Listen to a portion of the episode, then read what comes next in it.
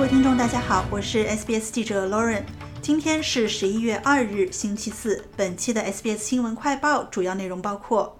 外交部长确认二十名澳大利亚人逃离加沙；澳大利亚启动国家级癌症防治计划；中国前总理李克强遗体今日火化。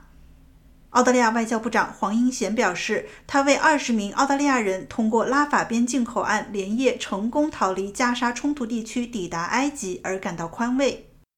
在一份由巴勒斯坦当局公布的获准通过边境的五百名外国公民名单当中，约有三十四名澳大利亚人。如今，这五百人当中有三百二十人于十月三十一日抵达埃及，共同抵达的还有数十名严重受伤的加沙居民。目前，当局正在为这批澳大利亚人安排返澳的行程。黄英贤部长表示，他与澳大利亚驻埃及大使进行了交谈，大使确认这些澳大利亚人身体状况良好。他们经历了七个小时的奔波，显然相当的疲劳。我询问了所有澳大利亚人的健康状况，大使表示大家身体健康，这让我们感到宽慰。但我们也会确保任何需要医疗关注的人都能得到照顾。目前仍有六十八名澳大利亚人暂时被困在加沙地区。拉法边境当局表示，将允许额外的五百九十六名外国籍和双重国籍人士于十一月二日离开加沙。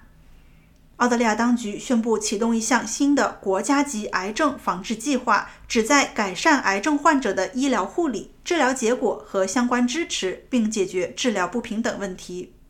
这一计划由澳大利亚癌症防治协会发起，该机构将制定战略，以加强癌症的预防和筛查，并为全国癌症患者提供治疗选择。重点是最大限度地预防癌症，优化早期检测手段，确保患者获得最佳的护理。与此同时，该计划也致力于改善原住民和偏远地区澳大利亚人的癌症防治工作，并解决医疗系统中的关键差距。有数据显示，与非原住民相比，澳大利亚原住民被诊断患上癌症的可能性高出百分之十四，死于癌症的可能性则高出百分之四十五。卫生部长马克·巴特勒表示，国家癌症防治计划对于解决澳大利亚癌症发病率至关重要。如今，癌症的负担正在增加，今年估计有超过十六点四万澳人被确诊癌症。虽然在澳大利亚，癌症的预后可能排在全球前列，但是对一些人来说，只是因为身份或居住地就无法享受这一好处。而巴特勒部长希望全国性的癌症防治计划能够让患者无论在哪里确诊，都能更容易地获得治疗。This plan is directed at making sure that not only the outcomes, the survival rates. 这个计划的目标是确保在当前技术条件和治疗水平之下，不仅患者的治疗结果和预后生存率尽可能的好，而且驾驭复杂医疗体系的体验也尽可能的好。另一方面，中国前总理李克强的遗体将于今天在北京火化，有数百甚至逾千人聚集在八宝山革命公墓附近送李克强最后一程。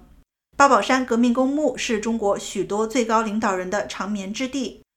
根据日前中国官媒新华社发布的消息，今天北京天安门、人民大会堂、外交部等地、中国各省、自治区、直辖市政府机构、各边境口岸和港口以及中国驻外使领馆将下半旗致哀。李克强于十月二十七日突发心脏病，在上海去世，终年六十八岁。他的遗体当天从上海被护送至北京。连日来，中国多地群众自发悼念李克强。